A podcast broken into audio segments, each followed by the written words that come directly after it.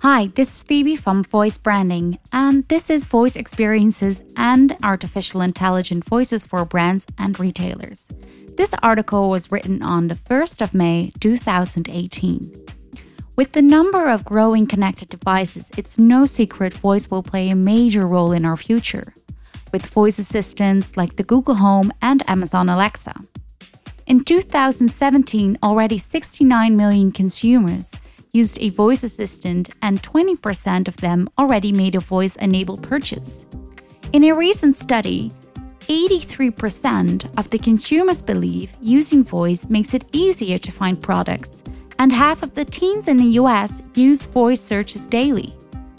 But how can brands and retailers deliver a voice experience that is not tied to devices like the Echo or Home, but are implemented in their own mobile app?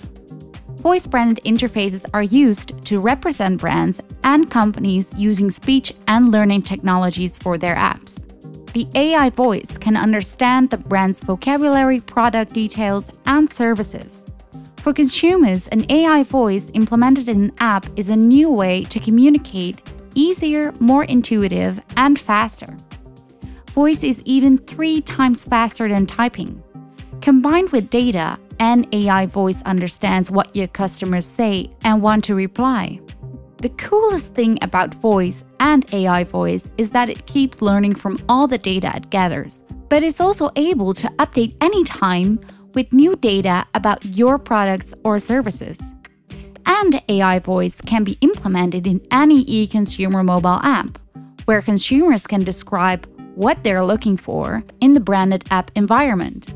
This results in searches like show me only red shoes or add size S to my cart. However, an AI voice cannot only listen but remembers what consumers said before. It can make combinations and show consumers the brown shoes as well. It allows consumers to find products more quickly. It improves brand loyalty and gives a memorable shopping experience.